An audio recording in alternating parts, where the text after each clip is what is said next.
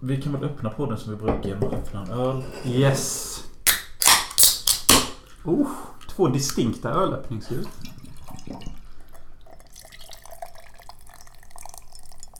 Hör ni det?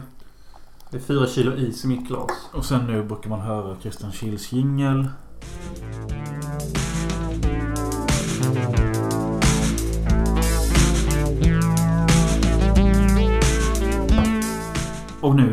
Efter det.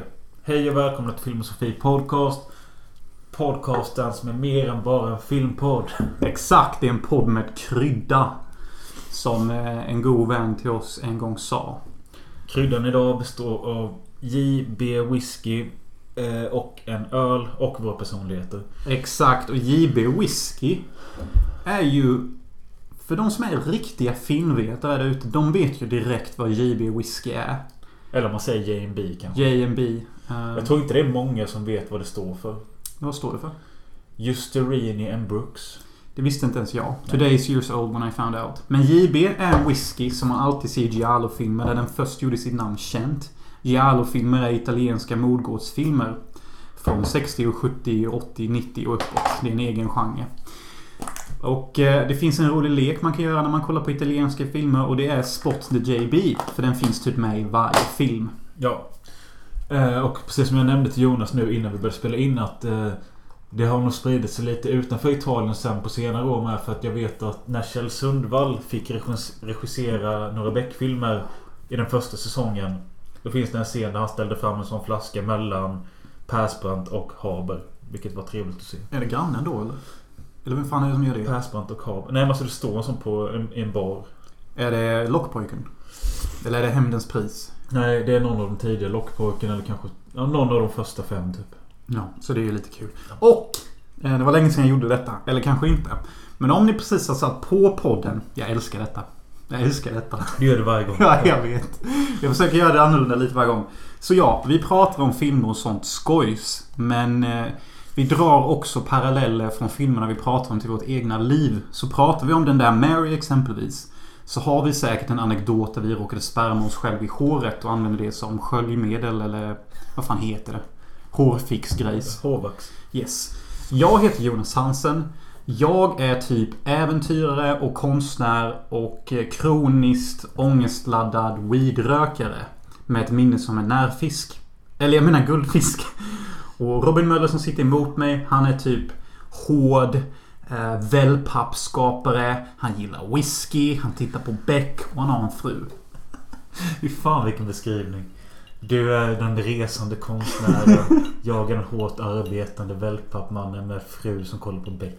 Ja, och det är typ den dynamiken ni kan förvänta er. Och vi har varit bros before hoes i typ 18 år. Och vi har haft samma...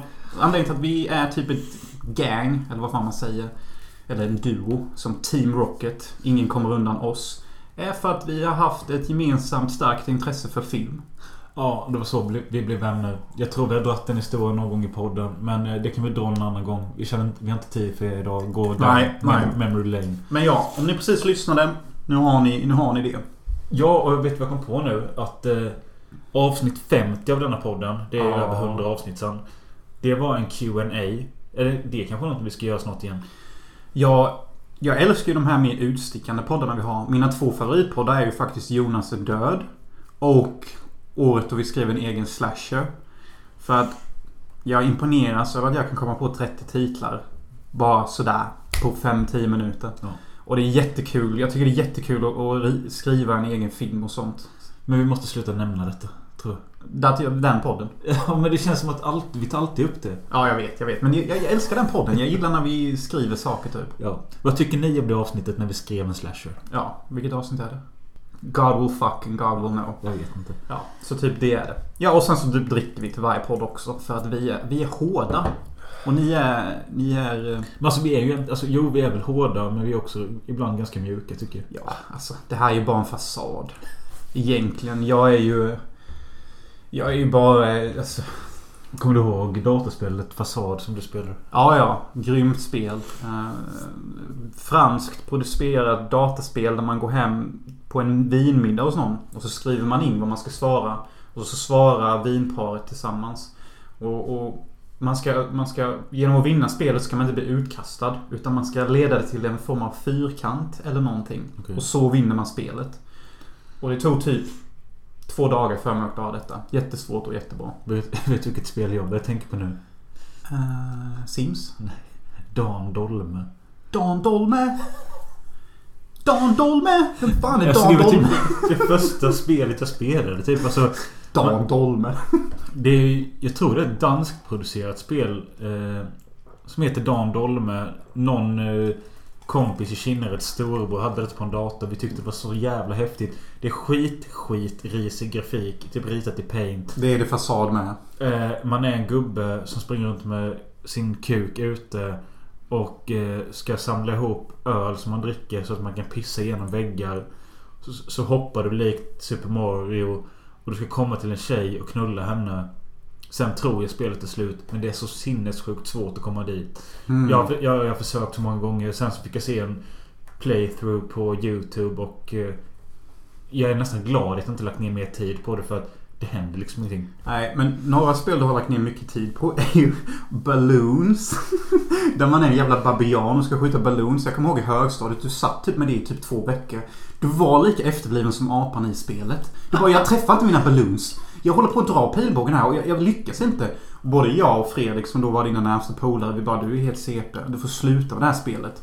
Så det är ett av dem. Ett annat av dem är ju Beer Strips. Legendariskt spel. Det heter pilstripp. Pilstrips heter det. Ja.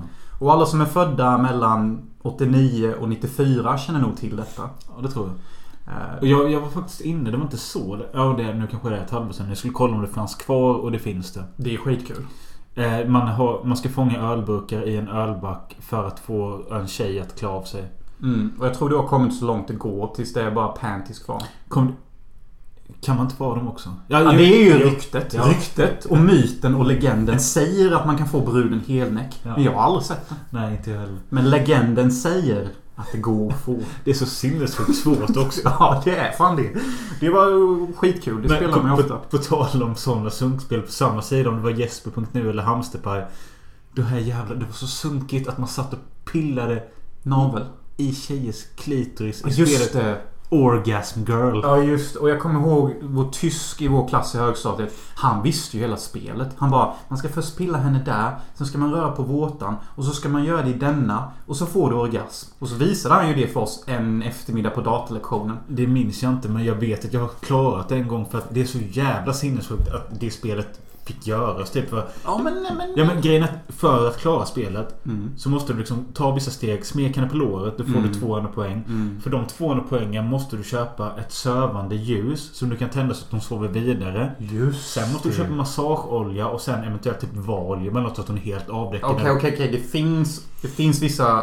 Okej, alla brudar är inte så här. Det där är rape version. Men det finns ju också så här normal version där du typ hon är medveten och vaken. Och det är ju lite realistiskt. Du måste röra henne på vissa zoner och sånt. På ett sätt kan jag tycka att sånt här spel är nyttigt för gemene man. Är det kanske ett Patreon-segment när vi spelar de spelen? Lätt som en fet plätt. Och ett annat spel du är rätt duktig på som också är ett sånt där riktigt FUMP-spel. Det är ju Last Mania eller vad fan det heter. Elastomania. Elastomania. Som jag blev mobbad för i tio år. Att jag spelade med min första tjej första gången vi träffades. Hannah Montana. Ja, men va- varför skulle jag bli mobbad för att jag spelade det? Nej, men man blir ju alltid mobbad för skitsaker. Eh, nej men för det, Jo, för att vår första gången vi träffades så spelade vi Elastomania och kollade på Kenny Starfighter. Jag tycker det låter som en skitgullig. Det tycker jag med. Är Och vi var, vi var 14 och 15. Är det så jävla konstigt? Nej, det är inte konstigt alls och det är jättegulligt. Och Elastomania är ett jävla sunkigt motocross-spel i 2D. Och det Så- är rätt coolt faktiskt. Ja, och det, det kan folk som fortfarande till i dags datum gör banor till det. Se, that's fucking powerful. Sen så brukade du och jag spela Worms och sånt och det tycker jag är CP-kul fortfarande. Ja. Nog om spel kanske. Ja, se, en podd med krydda. Det handlar inte bara om film, era freaks.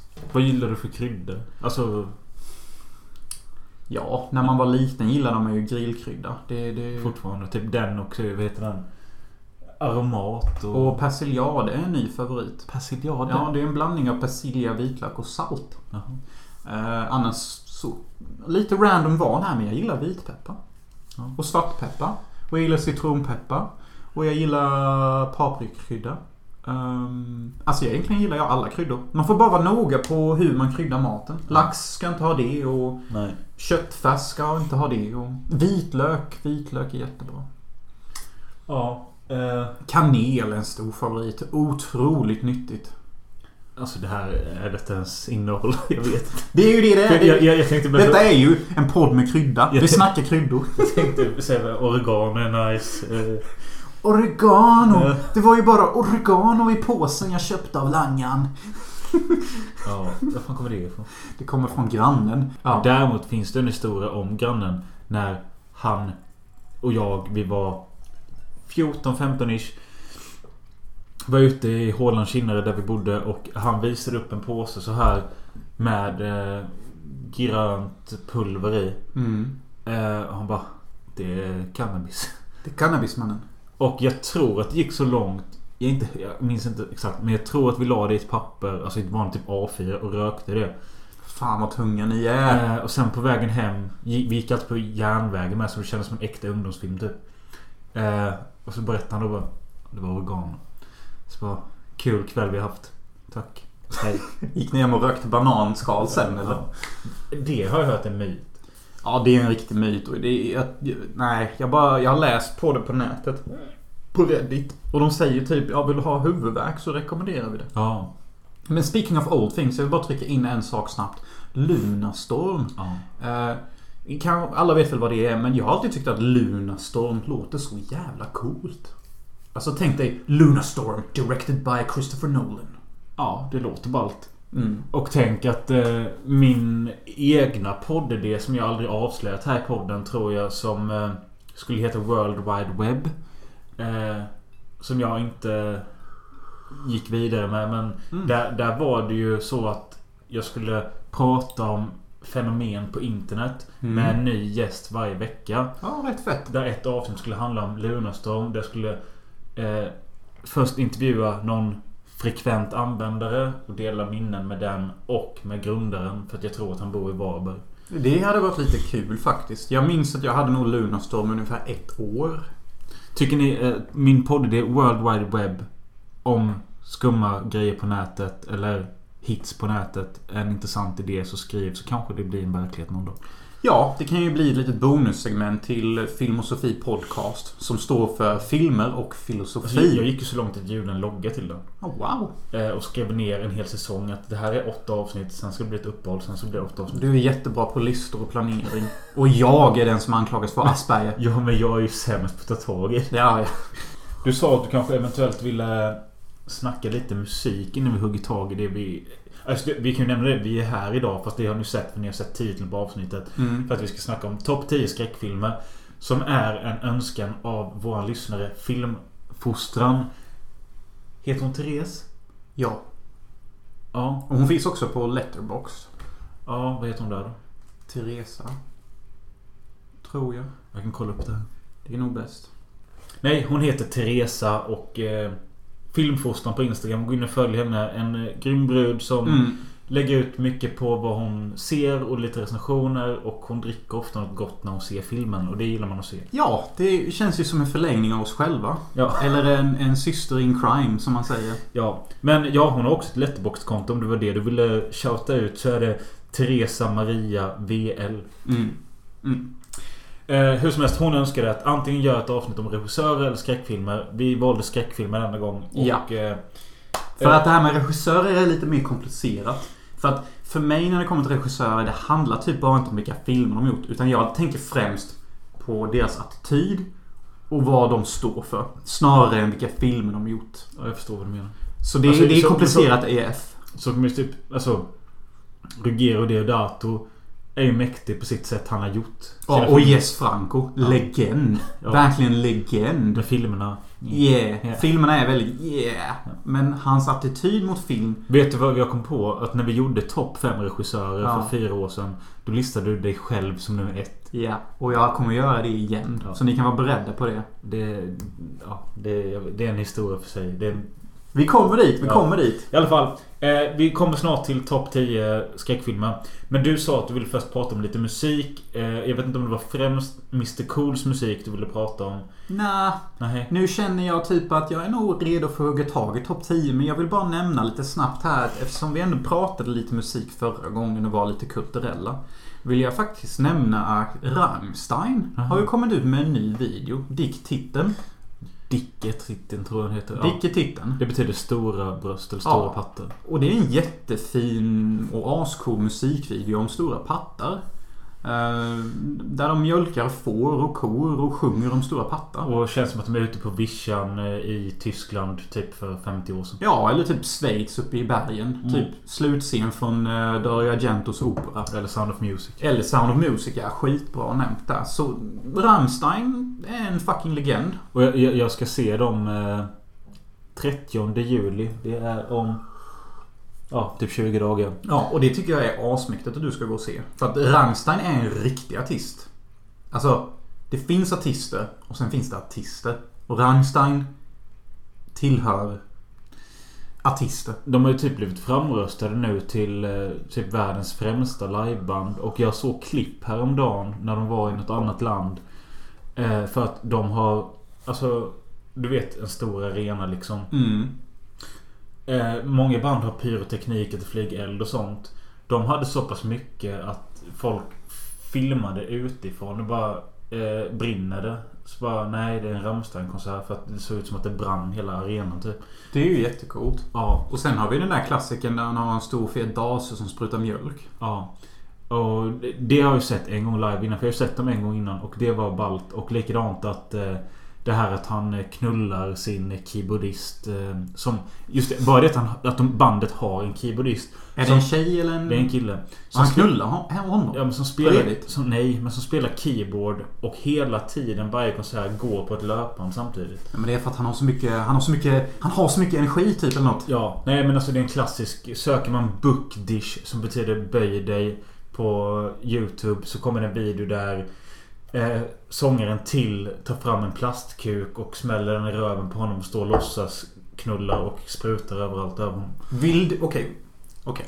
Rammstein på fredag då nästa vecka va? Nej, tre veckor. Tre veckor. Okej. Dream scenario. Fake spärra mig facet eller vill du ha något annat? Eh, alltså jag tror seriöst inte att jag kommer orka gå så långt fram. Nej. Eh, för det kommer vara på Ullevi. De har sålt ut tre dagar i rad på Ullevi. Så det, alltså det, jag, Brav. jag vet inte om det är 100 000 pers. Jag vet inte hur mycket det är. Och önskelåt. Måste ju vara Dicken Titten och You got a pussy. I got a dicken. Det är ju de du känner till. Men jag, jag är lite mer insatt i bandet och jag... eh, eh, Min favoritlåt med Rammstein heter Mein Hert brennt. Mein heart bränns. Det är soundtracket till Lilja Forever. Lilja Forever. Ehm, Jag lever för den filmen typ. De har gjort såna, men du känner ju till också Du hast mich. Du hast mich pussy. Nej. Du har min fitta. Ja, eh, ja, men det om Rammstein. Du vill inte säga något om Mr Cool då? Nej. Bara det att allt Mr K sjunger är för likt mig. Och jag känner mig knäckt när jag lyssnar på hans låtar. Och det är lite kul att Jonas säger det när Anton Magnusson som är komikern bakom Mr Cool. Han är typ den snällaste, lamaste, segaste snubben i den nya komikervärlden. Alltså han gillar att vara hemma och spela Nintendo. Oh man, I love that shit. Hans favoritspel är Chemue. Aldrig hört talas om. Nej, men han snackar om det hela tiden. Vänta, det där spelet man är i öknen och håller på att simma runt. Jag vet inte. Men han gillar tv-spel och eh, äta chips typ. Och han har en tjej och ett hus och är helt normal. Mm. Sen blev det ju ett helvete. Nu- Ska vi ens prata om Nej, detta? nej, Vi nej, skiter i klipp, klipp. Klipp, klipp.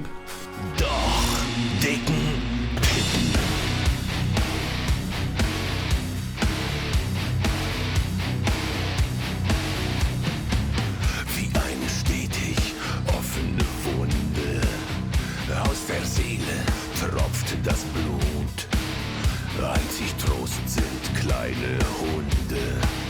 Ein feines Fräulein. Ja, då är ni tillbaka till Filmosofi Podcast. Och eh, ja, ska vi hugga tag i dagens eh, ämne. Kemi. Kemi. Eh, Topp 10 skräck. Topp 10 eh, kemiska grundämnen. Helium. Väte. Kväve. Aranium. Vad är det? Aranium? Det är ju den när man sitter i klassrummet bara Nämn ett ämne. Aranium. Sverker Finning vände sig i graven. Ja. Aranium. Alltså, Eh. det, det ni lyssnar alltså, ni, ni fattar inte. Våran, våran kemistlärare var sinnebilden av en kemistlärare. Alltså, Han. Vet du vad, vem han ser ut som? nej. Dr. Frankenstein i Day of the Dead. Han som bygger Bub. Ja, det är möjligt. Jag inte Den där jävla zombie. Han som ska Ja. hålla på och läxa upp zombies. Det är ju han ju. Ja, det är möjligt. Nej, men eh, störd lärare. Eh, hatälskade honom. Ja. Det, det gjorde nog hans fru och flickvän också. Som också är död. Båda är döda. Karin Westerin. RIP. RIP. Tyst 30 sekunder med sorglig låt. Sen hugger vi tag i temat. Okej.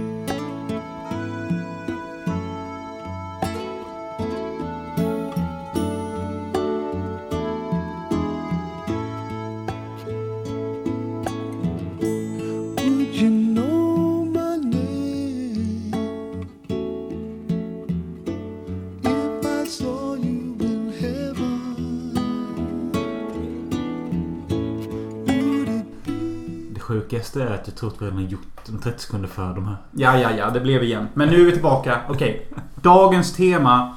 Topp 10 skräck enligt oss. Och precis som förra gången vi gjorde topp... Alltså då vi gjorde varandras favoritfilmer. Ja. Så har vi då valt vad vi personligen tycker är våra topp 10 skräckfilmer. Och förra gången så tjafsade vi väldigt länge om eh, att vad är en favoritfilm? Vad är det? Mm. Jag, jag utgick ifrån... Eh, alltså... Hade jag gjort en lista av de tio mest läskiga skräckfilmerna Då hade inte den sett likadan ut som idag. Utan idag gick jag ut från tio skräckfilmer jag känner är genuint asbra och som jag vill vara med på listan. Sen om de är läskiga, för det är ju det folk ibland... Det är, jag tror typ den yngre generationen speciellt. Eh, och typ... När du menar yngre, menar du då 20 och under? Ja, typ. Eller kanske till och med 25 och under. För om ni inte vet detta, Robin, min mot-host, han är 30. Ooh. Och har en yngre tjej. Men, Ooh. men i alla fall. Playboy. Eh, hon, fyllde snart, hon fyllde snart 11. Yeah. Och eh, det ska vi fira med tårta och knull. Yes. I alla fall så... Eh, jo, det jag vill komma till är att... Ja, det går inte att säga att en skräckfilm är bra till någon om, det, om den inte är läskig. Fattar du vad jag menar? Du menar att det måste liksom tilltala vad de är rädda för? För att det ska Nej, vara bra? vad jag menar är att när folk tänker en bra skräckfilm. Ja. Då tänker de att det är fyllt med jump scares. Det är The Conjuring. Det är Insidious. Jag nämnde två titlar som... Eller Sinister. Ja, jag nämnde... De har nämnt tre titlar som inte är på någon av våra listor. Nej, min, Eh, den har ingen av dem. Men det är liksom top notch just nu. Alltså för du får scares och det är det, det, är det den unga publiken är ute efter. Dock vill jag säga att jag gillar både första Conjuring och första Sinister. Och de gav mig faktiskt obehagskänslor. Men, men. Det är för mycket jump scares. Det är för mycket fantasy. Ja. Och, och jag vet att jag sa i någon podd innan att jag stör mig på att eh, bara för att man inte kan se något så betyder det att det inte finns där. Men alltså spökskräck och demonskräck, alltså det funkar inte riktigt för mig. Eh, vi har nu spelat in i 23 minuter. Jonas har hävt en bira och eh, vill du ha en till? Yes, from the fucking freezer please. Thank you very much. Freezer, freezer, freezer. Men jag, jag är lite törstig idag. Det är okej, för det är fredag. Det är helg och eh, kanske min och Jonas sista helg ihop på obestämd framtid. Vi vet inte. Nej, vi vet inte. Eh, hur som helst, knäpp din öl och presentera din nummer 10 bästa skräckfilmen någonsin. Okej. Jag vill säga, jag måste ha lite pre-speech för denna. Efter ölen uppe. Nu kan ni andas lite. Okej, så här är det. Min nummer 10 är nödvändigtvis inte min nummer 10. Med det sagt. Eh, denna filmen... Anledningen till att jag har med denna filmen på nummer 10 är för att den gjorde jobbet. Gjorde susen. Ja, den gör vad en skräckfilm ska göra. Den gjorde mig rädd. Och den gjorde så att jag var tvungen att sova med mina föräldrar i en vecka i sträck, typ. Det är vad en riktig skräckfilm ska göra och därför är den med på listan. Och det är klassikern Dem. Det, det, det är kul att du tar med den faktiskt. För det Jonas nämner nu, det är en skräckfilm från typ 56-58. Ja, 54 typ. Om gigantiska jättemyror som attackerar ett litet samhälle. Och Jonas nämnde... När jag och Jonas började bli vänner typ i sjuan. Så nämnde han Them. Och jag tror jag lånade den av dig. Mm. Och... Eh, jag blev inte så rädd av den. Men jag tyckte om den. Alltså den var ju en väldigt välgjord... Creature feature film från 50-talet som är äckliga myror. Det är ju typ, jag tror att både denna och It came from beneath the sea är vad folk säger är typ de bästa. Eller i alla fall i toppsiktet. Och när jag såg denna i, i vår sommarstuga på TV, typ. Jag hade aldrig sett något liknande. För att det finns en hjälte i filmen som räddar två barn med ett Thompson-maskingevär i slutet. Skjuter myror. Ja, skjuter myror och sen så blir han... Precis innan han ska fly så kommer en gigantisk myra och typ biter sönder honom. Och det är jätteläskigt. Och det sitter fortfarande kvar i mitt huvud lika väl som när den där stackars fiskaren blir uppäten i Jaws. Den här äldre mannen i slutet. Och jag tycker det är så himla hemskt. Nej tack. Jag sa nej tack till snus. Eh, och det bara sitter kvar och, och jag hade världens mardröm efter det. Alltså jag kommer ihåg hur jag drömde om de här myrorna och, och jag bara sprang till mor och far och bara Jag måste få sova mer, jag är så rädd. Och därför får denna filmen vara med för att det är vad en skräckfilm ska göra. Ja, och jag blir lite... Nu när du pratar om det blir jag lite sugen på att se den igen. Alltså det är något speciellt med de här 50-60-talsrullarna som liksom har effekter som är skeva. Men som nu med åldern har blivit så pass skeva att de blir obehagliga. Ja, och det var det min mor sa, kommer jag ihåg att det kanske bara var så Jonas att du blir rädd över att det såg så konstigt och gammalt ut. Men det, det är en klassisk grej med att många tyckte att eh, det dataanimerade skelettet i Mysteriet på Greveholm såg läskigt ut. Det kommer jag ju fortfarande ihåg. Det är ju jätteläskigt hur den här s- lågupplösta skelettkillen ser ut. Ja. Det är ju läskigt. ja. Eh, och, och, och, Men vad, vad, är, vad, är, det som... Vad, vad, betyder eh, ordet Uncanny Valley? Är det inte det något sånt att det ser skevt ut? Uncanny Valley betyder... Ja, nu för tiden betyder ju typ om man, om man gör photorealistic graphic. Så att det är gjort i data men det ser ut som att det är riktigt. Ja. Och då blir det typ så här. Man ser att det är fake men det, det ser fortfarande Det realistiskt ser ut. så pass ske- Ja. skevt ut för Så det... hjärnan kan fatta att det är fake men ögonen kan inte. Uncanny Valley. Så det är typ det med det är. Ja, så då, då är inte det det. Nej, Nej. typ inte. Och därför får denna vara med. Det finns bättre skräckfilm än denna. Men denna gjorde jobbet. Det handlar ju om personliga grejer, så Mm. absolut. Min nummer 10. Ja, jag har haft svårt denna gången med. eh, så jag, jag satte... Är den från 2016, 17? Skitsamma, den heter Raw. Det är... Raw? Eh, en, You for real dog?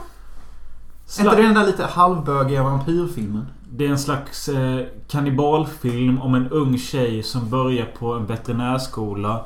Hon är vegetarian. Hennes äldre syster går på skolan redan. I en eh, invigningsritual, en nollning på skolan, så tvingas den här unga tjejen att äta rått kaninkött, tror jag det är. Ja. Eh, och det väcker någon slags lusta till henne som utvecklar kannibalism. Och hur denna filmen är gjord, hur Garans Miliär eller vad huvudrollen heter. Hon är asbra, söt också. Det kan man lägga till. Eh, Nej men alltså den den är... Den är äcklig på riktigt när hon drar ut hår ur halsen och något hon har ätit och... Eh, Tänker jag på den här filmen där de väntar på att någon ska bli överkörd på vägen. ja, precis. Ja. Ehm, och jag, jag, jag såg om den ganska nyligen. Det är därför jag vågar ta med den. För jag först såg den när den kom. Sen så köpte den på Blu-ray. Hade den på Blu-ray i tre år. Såg om den för ett halvår sedan. Älskade den. Alltså... Det är ju en modern skräck i alla fall. Ja, den tillhör ju en av de bättre. Ja. Enligt communityn. Och den har ju flera lager av att det är liksom både en sån här... Hur många gånger har jag sagt Coming of age. Du älskar coming of age. Det måste jag börja ta in i mina intron. Att Robin Möller är inte bara en wellpappskapare. Han älskar coming of age. Ja men det är ju en sån historia också i det här att hon börjar sitt jävla gymnasium eller college. College eller vad fan det är. Men också att det här att hon ut... Eller... Får lusten av kött. Och på, på, i samma veva upptäcker sin sexualitet. Men hon vet liksom inte. Är jag kåt eller är jag hungrig på kött? Vad är skillnaden? Jag gillar det som fan. Det är lite mer om en filosofisk skräck.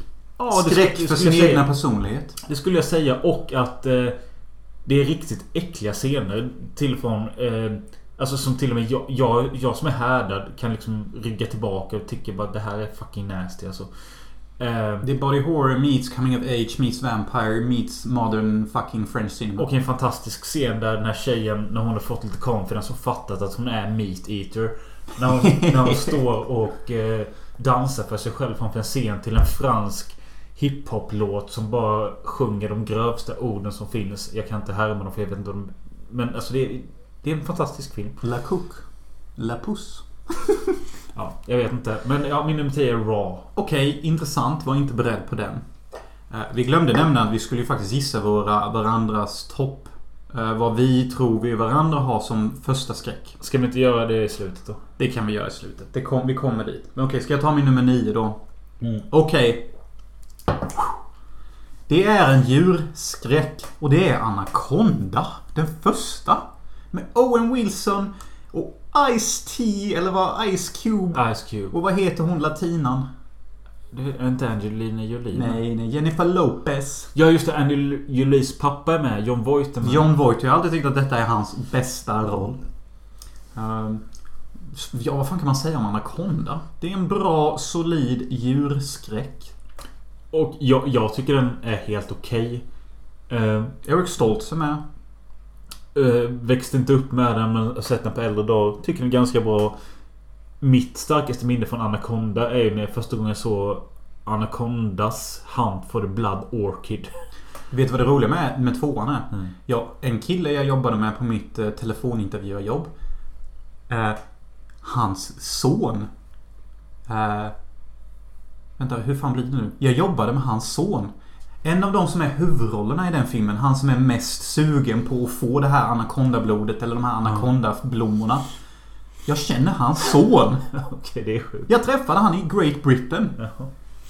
Så det är skitkul med den. Så jag har sagt det till honom. Du får hälsa din farsa att han gjorde ett jättebra jobb i Anacondas. Anaconda 2. Han bara Thank you mate.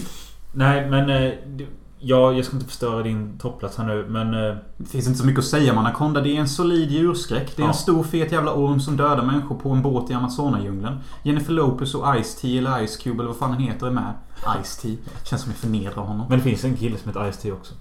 Ja, det kanske det gör. Men det är Ice Cube som är med i... Ja, och John Voight är så CP i huvudet. Han håller på att lura de här stackars turisterna in i djungeln för att han vill fånga en fet anakonda. Ja. Och han lyckas övertala stackars Owen Wilson att vara på hans sida. Tyvärr. Just det, han... är med också. Ja, och det är så himla kul. Ja. Vad fan gör du i denna filmen? Det är därför han ryker först också. Vilken jävla cast. det är typ the ultimate cast. Tarantino bara usch, jag vill ha dem. Eh, min nummer nio. Håll i er. Håll i hatten. A Serbian film. Oh! Det är ändå respekt på den. Det är respekt. Du har aldrig sett den va? Jo, det har Har du det? Jag brukar alltid referera till denna filmen som en av de vuxnaste filmer jag har sett.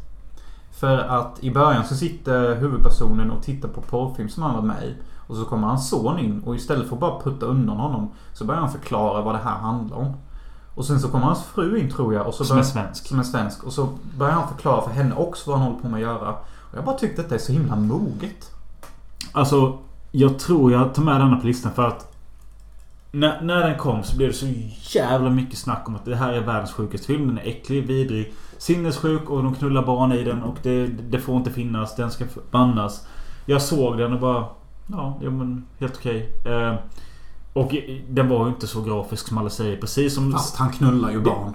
Ja men det jag ska säga också är att jag har valt denna gången att ta bort Cannibal Holocaust från denna listan för att jag hade med den på mina bästa filmer. Jag tog bort den automatiskt, annars hade den varit med här. I understand. Eh, men lite samma sak är det där som, som när jag såg Serbian film att Jag hade sån jävla byggt upp Cannibal Holocaust i mitt huvud.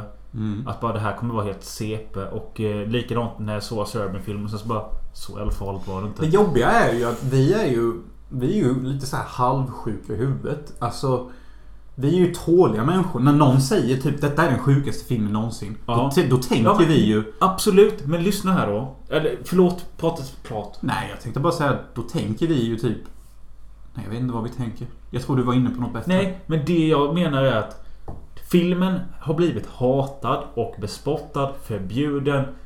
Att man är CP huvudet om man tycker om den. För att det finns en scen i filmen där en stor äcklig vit gubbe eh, juckar i, ett, i, en docka som är ett spädbarn.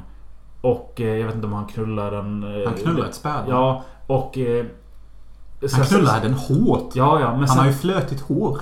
Sen säger regissören bara Newborn porn. We made it. Newborn porn. Eh, the new cinema, newborn porn. Och det är liksom det som är det värsta i hela filmen. Förutom en scen på slutet kanske när huvudkaraktären knullar sin son. Men Ja, just det. det är ju liksom... Alltså, alltså varför får man inte göra det på låtsas? Jag förstår inte. Alltså onekligen får man ju göra det på låtsas. Ja. För det fin- denna filmen existerar ju. Ja. Eh, Men det blir ju jävla outrage. Och jag kommer ihåg speciellt eh, Mr Kines eh, från vår gymnasieskola. När vi pratade om denna filmen. Han bara Hur fan kan du gilla den filmen? Hur fan kan du ens prata om denna filmen? Hur fan kan du ens se den? Och jag bara Bro, bro, bro, bro. Chilla två hekton. Men... Ja, är den så gammal att den fanns då? Ja, det gjorde den. Nej men det, då senaste gången jag såg om den. Jag blev så jävla förvånad över hur... Alltså den ser så jävla slick ut. Den är skitklint filmad. Det är det jag menar. Den är ju professionellt gjord. Ja, och eh, huvudrollen Milos är grym. Han har en svensk fru och det är jättekul när han har en liten eh, jargong med henne. Bara, ah, talking Swedish. Så säger han bara skiftnyckel, hammare. Vad är det? Vad är det? Hammare? Slå in spik. Ja, nej, men det är charmigt om man är svensk. Eh, och sen så då att Just att det är en sån jävla nerv och spänning den första timmen med vad kommer hända med den här avdankade, avdankade skådisen som skrev sitt sista porrjobb. Han fattar själv att hans, något fuffens är, på, fuffens är på gång. Ja, de lurar han till någon slags nedstängd skola och pratar med honom via någon walkie-talkie. Precis. Och att han har en bror som är polis. Men hans bror som är polis är väldigt sketchy och är typ kåt i hans fru. Eh, och Mm. att hela första timmen är som en intensiv halvsnuskig thriller. Mm. Som egentligen inte visar något grafiskt förutom lite vanlig porr på TVn. Mm. Och sen så kommer sista halvtimmen som är helt fucking insane nuts. Alltså det knullas och det skärs av huvuden. Sexskräck. Skulle man kunna kalla det Ja, detta? absolut. Men alltså jag var så... Jag satt... Alltså jag var uppe i extas när jag såg den sist. Jag var så jävla glad över den. Jag köper detta och jag, jag tycker det är så kul att du hade den här upplevelsen. Jag satt mest laid back i min soffa och bara tänkte... Hur länge sedan såg du den då? Men jag såg den typ när den kom. Ja, Typ precis. Tre, två år efter den kom. Precis. Och jag såg den för tre månader sedan. Sick. Ja. Du fan sick. Kör vidare. Alright, okej. Detta var en film eh, som räknas som regissörens bästa film. Och denna filmen såg jag första gången med dig. Och jag blev typ lite halvt livrädd när jag såg den. Och det är Event Horizon. Av Paul V.S. Andersson med Sam Neill och Lawrence Fishburne. Woo! Kul film. Eh, men jag har för mig att när vi såg den så hatade du den. Nej, nej, nej. Det gjorde jag inte. Jag, jag, jag, hoppade till vid varje liten skitgrej. Det är som en blandning av första Alien och Hellraiser. Ja, det är en bra beskrivning faktiskt. Eh, Och det finns så många roliga karaktärer. Jag älskar min favoritline i filmen. Det är han som är så paranoid hela tiden. När han inser typ att de är lite fast på det här skeppet de ska till. Då, då säger han typ bara I don't know anything about this place besides that this place is fucked. det är kul. Men det handlar liksom om ett rymdteam som ska åka till ett skepp som har försvunnit för sju år sedan. Och detta är typ som i Alien. Typ de, de, de upptäcker någon slags signal i rymden och de måste dit och undersöka det. Eh, och de blir upprörda, besättningen. Typ varför ska vi åka och besöka ett skepp som har försvunnit för sju år sedan? Men då säger Sam Neill, forskaren i filmen, att Alltså egentligen så var Event Horizon ett rymdprojekt där vi böjde eh, universums lagar. Och vi gjorde en snabbpunkt från A till B. För er som har sett Thor, Love och Thunder så pratar Natalie Portman exakt om detta konceptet och de snor scenen rakt av. Eh, och det är det de gör. Och när de kommer till det här rymdskeppet då hamnar de i någon form av limbovärld. Och då blir Sam Neill helt CP efter han kommer dit. Och det blir typ Hellraiser möter Alien. Och det är en rätt rå film. Ja, alltså jag, jag kommer ihåg att den är rätt gory och speciellt det här att de kollar de inte några skärmar eller något Mm. och ser typ folk bli Jo, lemlästade eller har... de som var på Event Horizon har ju spelat in sista meddelanden Ja. och de pratar ju i latinska. Ja, det är det. ganska obehagligt. Ja. De säger Espiritus eller Santes Machate och det betyder typ rädda mig från djävulen eller någonting. Och Sam Neill blir ju helt störd och bara We come from hell, the other legion of this universe. Och de skjuter spikpistoler på varandra. Sam Neill i slutet när han blir eld. Ja, alltså, okej, slutet blir lite goofy för det är typ så här 90-tals punch-effekt. Det är så här, whoosh, whoosh, Och Lawrence Fishburne bara You ain't coming to me. Och så typ... Ja, det blir lite goofy mot slutet. Men... Den är fucking spooky alltså.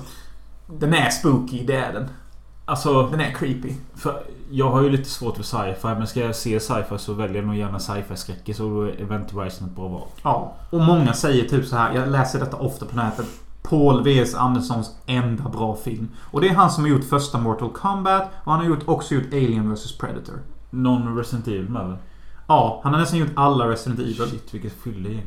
Fy fuck. Vi såg nyss till vänster om oss utanför Mölles hus tre jävla avdankade eh, 24-åringar med typ sju pack öl. Ja. Eh, Riktigt bra film. Rekommenderar om ni inte har sett. min nummer åtta. Alright, alright, alright. Suspiria. Alright! Fan, jag funderade om är på den listan. Men jag tänkte så här, det är ju lite mer av en giallo än en skräck. Ja, Men, bara det för att det är häxor i den så blir det typ skräck. Ja. Så det är godkänt. Och jag tyckte den var lite tråkig att ha med men jag kände att den får ändå en plats. Jag tycker inte den är särskilt läskig. Den är sjukt snygg. Det är ju Dario Argentos snyggaste film. Och Ja. den har bäst musik. Ja. Och varje gång jag ser denna filmen så sugs jag in som fan. Mm. Jag älskar scenen från flygplatsen när den här fågelkvinnan, hon ser ut som en fågel. Hennes ögon sitter ju åt helvete. Hon är jättesöt och hon kommer från flygplatsen, tar taxi till sitt jävla dansläge, Ja, du menar balettskolan. huvudrollen? Ja, precis. huvudrollen. När hon åker genom skogen där. Mm. Hon kommer från flygplatsen och hon tar en taxi genom skogen, genom ösregn till skolan. Och, och Goblins musik spelas. Och det är ju asnäst när man ser en kvinna springa genom skogen. Ja, och det är jättemystiskt och det är... Och det, det, man sugs in i filmen så bra. Och sen när de kommer till skolan, alla lärare är rätt skeva. Ja. Alla elever tänker bara på sig själva. Lite Black Swan före Black Swan. Ja. Um, så det, är, verkligen- det är en insugande film. Absolut. Och eh, du har alla beskrivit mitt val. Ja, shit, jag bara tog den från dig. Okej, kör vidare. Okej. Eh, Jag på min nummer sju. Okej. Min nummer sju. Pre-speech. Jag vill nästan säga att detta är lite av en erotisk bögthriller. Som är en actionskräck. Som kan nästan tolkas på hur många olika sätt som helst. Och också ha ett litet släng av grekisk mytologi. Vad är filmen Jeopardy? Hitchcocks repet. Nej, nästan. Hitchhiker. Jaha. Med okej. Rutger Hauer. Ja. Wow! Vilken ovanlig film kanske. Men en riktig 80-tals kultklassiker. Där en liten stackare plockar upp en hitchhiker som bara råkar vara Rutger Hauer. Och han är helt störd. Och han hotar den här stackars upplockaren med knivar. Och sen så bara jagar han han genom hela filmen. Ja. Och det är så obehagligt typ. Och Rutger Hauer är ju kung. Ja, Rutger Hauer är kung.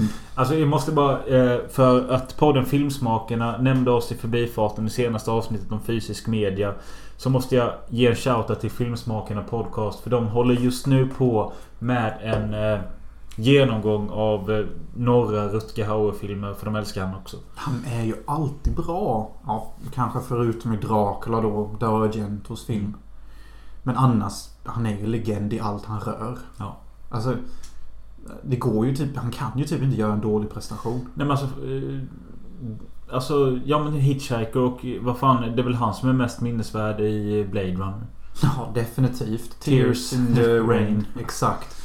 Och det som jag tycker gör den här filmen en väldigt djup skräckfilm är att och jag älskar sånt här i filmer. Det är att både vår protagonist och antagonisten då av Rutger Hauer. De bildar ett typ av band. Som att de är typ knutna i något form av öde. De behöver varandra till. De behöver varandra, men de måste också mörda varandra. Ja. Och det gör filmen djup och jag älskar när, det kommer, när vi kommer mot slutet och vår huvudperson säger typ You gotta turn back. Rutger Hauer, the hitchhiker, he's killing your cops! Och, och, och huvudpersonen typ tvingar polisen till att vända tillbaka och polisen bara säger I don't know what's between you guys but it's weird. Och vi som tittare tänker Vad är det här för bögig grej som håller på att hända typ? Och det gillar jag som fan.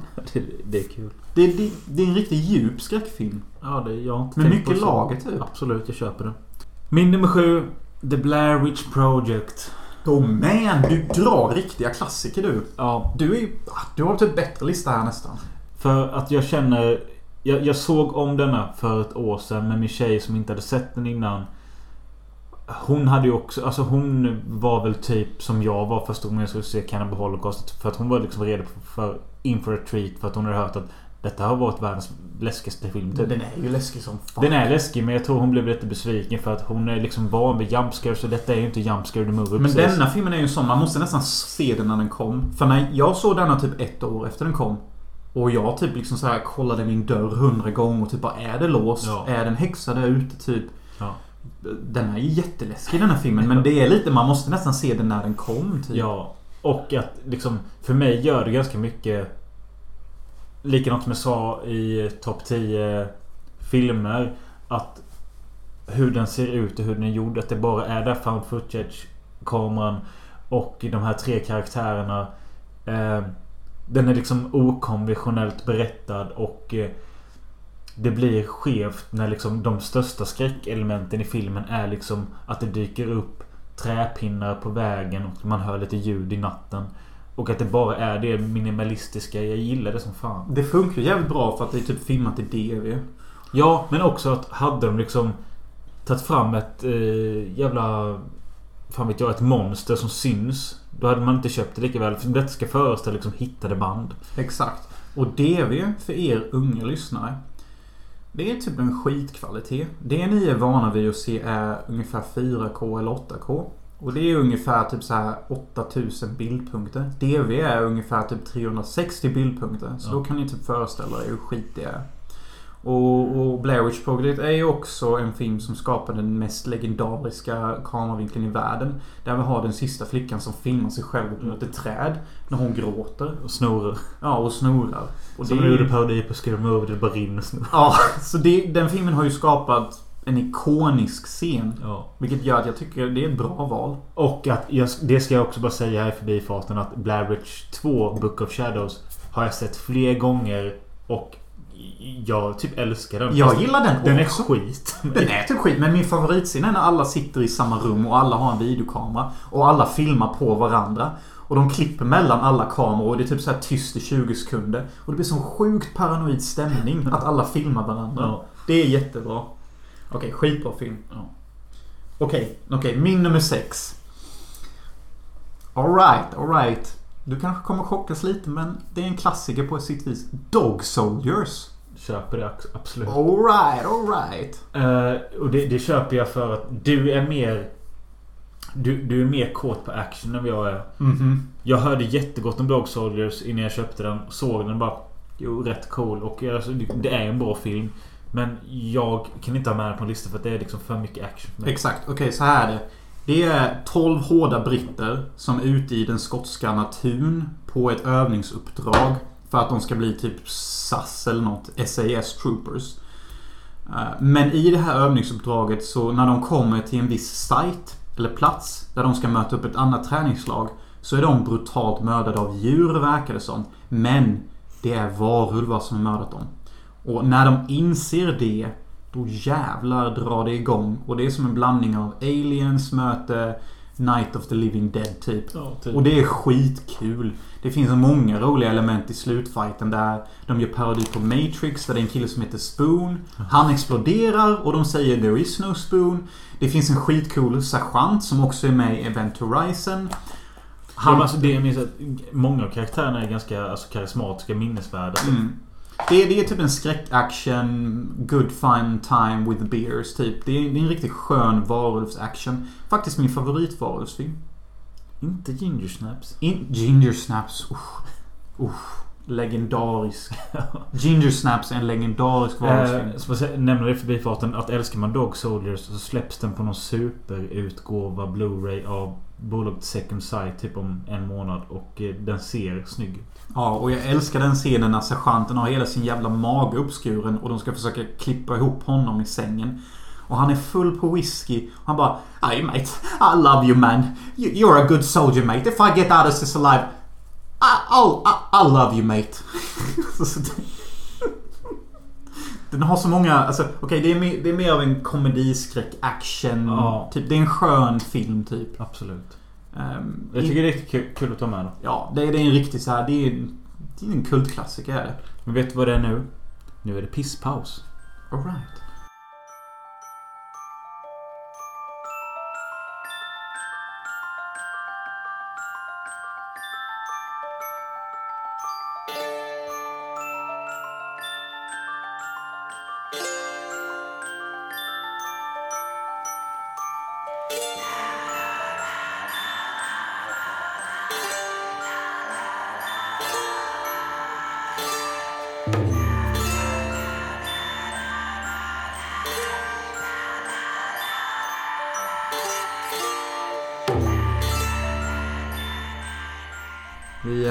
Halvvägs in och jag tänder lite ljus. Undrar om det blir samma ljudbild som i David Lynchs Wild at Heart. Inte redigt. Inte redigt. Eh, ja, och det är min tur med min plats nummer 6. Alright. Kör på. Du kanske kommer falla av stolen så håll i dig. Är det någon sån jävla Fabel Falkenberg skit igen? Antichrist. Nej. Jag trodde nästan den skulle vara högre. Jaha. I respect that choice. Det gör jag på heder och samvete. Du har typ gjort en bättre lista än mig den här gången. Jag har typ valt såna här halvljumna, easy going skräckfilmer med lite komik och sån skit. Och du har typ valt riktiga klassiker som Suspiria, Blair Witch Project och Siberian Film. Känner mig lite utklassad. Tack. Eh, nej men Antichrist, Los von Triers första del i hans ångesttrilogi som följdes av Melancholia och Nymphomaniac. Jag tror fan att jag tycker Antichrist är den bästa av dem. Eh, jag har bara sett Nymphomaniac när du och jag såg den på bio. Melancholia såg jag om med min tjej för ett halvår sedan. Jag älskar Nymphomaniac dock. Jag har till och med sett Directors version. Ja, jag har ju den men jag har inte sett den. Den håller på sex timmar i pallen inte. Jag såg hela. Ja, Det är nice. skitbra. Eh, men Antichrist om... Eh, bara det att öppningsscenen börjar med att Willem Dafoe och eh, Charlotte Gainsbourg. Charlotte Gainsbourg är kanske min topp tre bästa kvinnliga huvudroll. Hon är alltid grym. Hon ger järnet. Hon har ett jättekonstigt förhållande med sin döde pappa Serge Gainsbourg som var en fransk konstnär och eh, eh, musiker. Och de gjorde... Alltså att hon, när hon var 14 år, gjorde låten Lemon Incest med sin pappa. Eh, Och sen går vidare och gör filmen Charlotte Forever med sin pappa där han ligger med henne typ. Men där hon blivit knullad av sin far. Jag vet inte men kommer du Eller ihåg... bara injicerar de det? Ja men kommer du ihåg filmen Charlotte Forever? Ja. En fransk konstnär som går runt i sin lägenhet. Han har sin dotter där. Ja! Ja. Som inspelad i en studio och sen i slutet så panerar kameran ut så får man se hela jävla filmen. Men det där är ju riktig son och dotter och de spelar... De är äckliga, de är konstiga. Skitsamma, så är det i Frankrike. Vad är Antichrist för film då? Vad händer i filmen? Antichrist. Vi, vi snackade lite om nu om eh, Charlotte Forever. Nu hoppar vi tillbaka till Antichrist och... ja men det handlar ju om att det här Willem Dafoe och Charlotte Gainsbourg Att de knullar i en dusch medan deras nyfödde son klättrar ut för deras fönster som de har glömt öppna. Ramlar ner... Eh, Nej. De har glömt stänga det. ja, jag sa väl det. Du sa glömt öppna. Jaha. Där, där vet Ja. vi var du står. Ja, okej. Nej. du har en son som vill du att den ska dö. Men de har glömt stänga fönsterrutan. Och den här stackars lilla sonen krälar ut och ramlar ner och dör. Ja, Och William. Dafoe är en psykolog va? Ja. Och han tar sig an uppdraget och, och botar sin frus enorma ångest. Det, det, det är det som är så kul med filmen med att man borde tänka att eh, oavsett om han är psykolog så borde han kanske reagera lite hårdare. Men i och med att han, hans fru blir ett nervvrak så tar han på sig inte mansrollen utan psykologrollen. Och säger till sin fru bara Vi kan inte ha det så här. Vi åker ut till en stuga ute. Det, det, är också, det har lite med eh, vet det, Bibeln att göra med. För de åker till något som kallas för Iden. Och där blir bara, de, är ju, de har inga namn heller utan de är bara man och kvinna. Åker ut den här stugan i skogen. Och eh, där ska hon healas då genom hans terapi och naturen.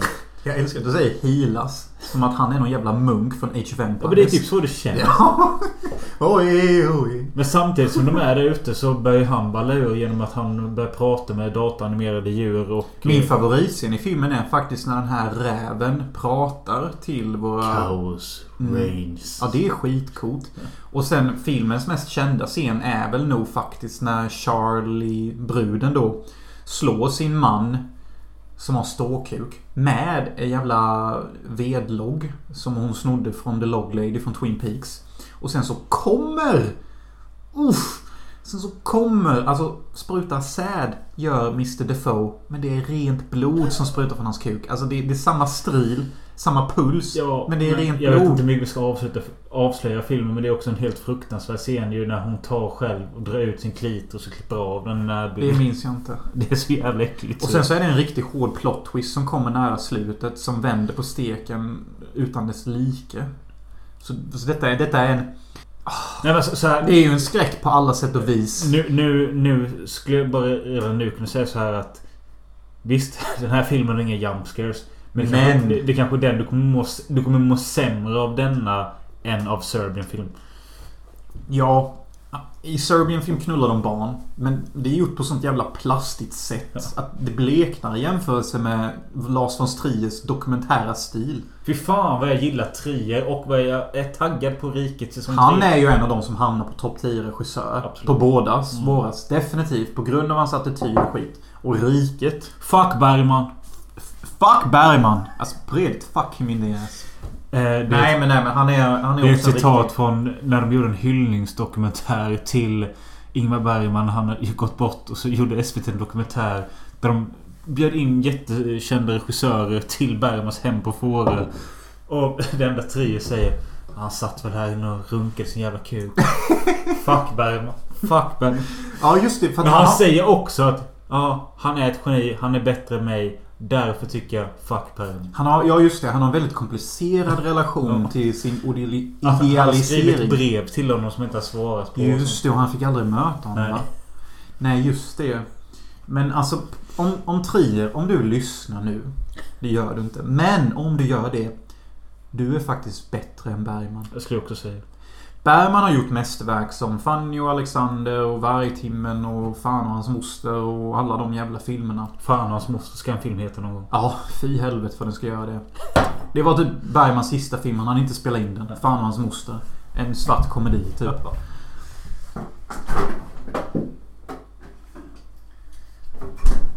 Eller hans andra film han inte hann göra, Hus i helvete. Ja.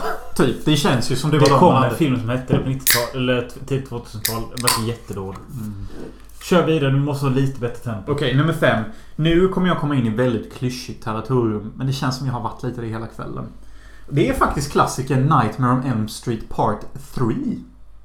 På din plats nummer... 5. Jag har samma på min plats nummer fem. What?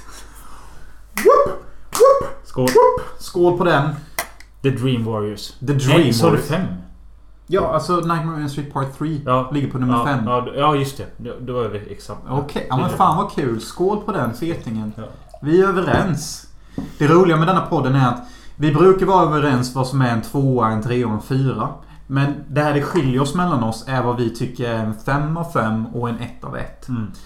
Men jag tycker det är jättekul att vi hamnar jämnt här. Ja. Så vi kan ju bara liksom... Varför är den... Varför är den där uppe? För att de hade etablerat Freddy Krueger som karaktär och Terror på Elm Street med första filmen. Sen fuckade de det lite i andra filmen med att göra någon slags bögkomedi. Ja, och det funkar inte riktigt. Nej. Alltså det är, det är jättebra att gå den bögiga vägen som Hitchhiker klarar. Men det funkar inte riktigt här. Nej.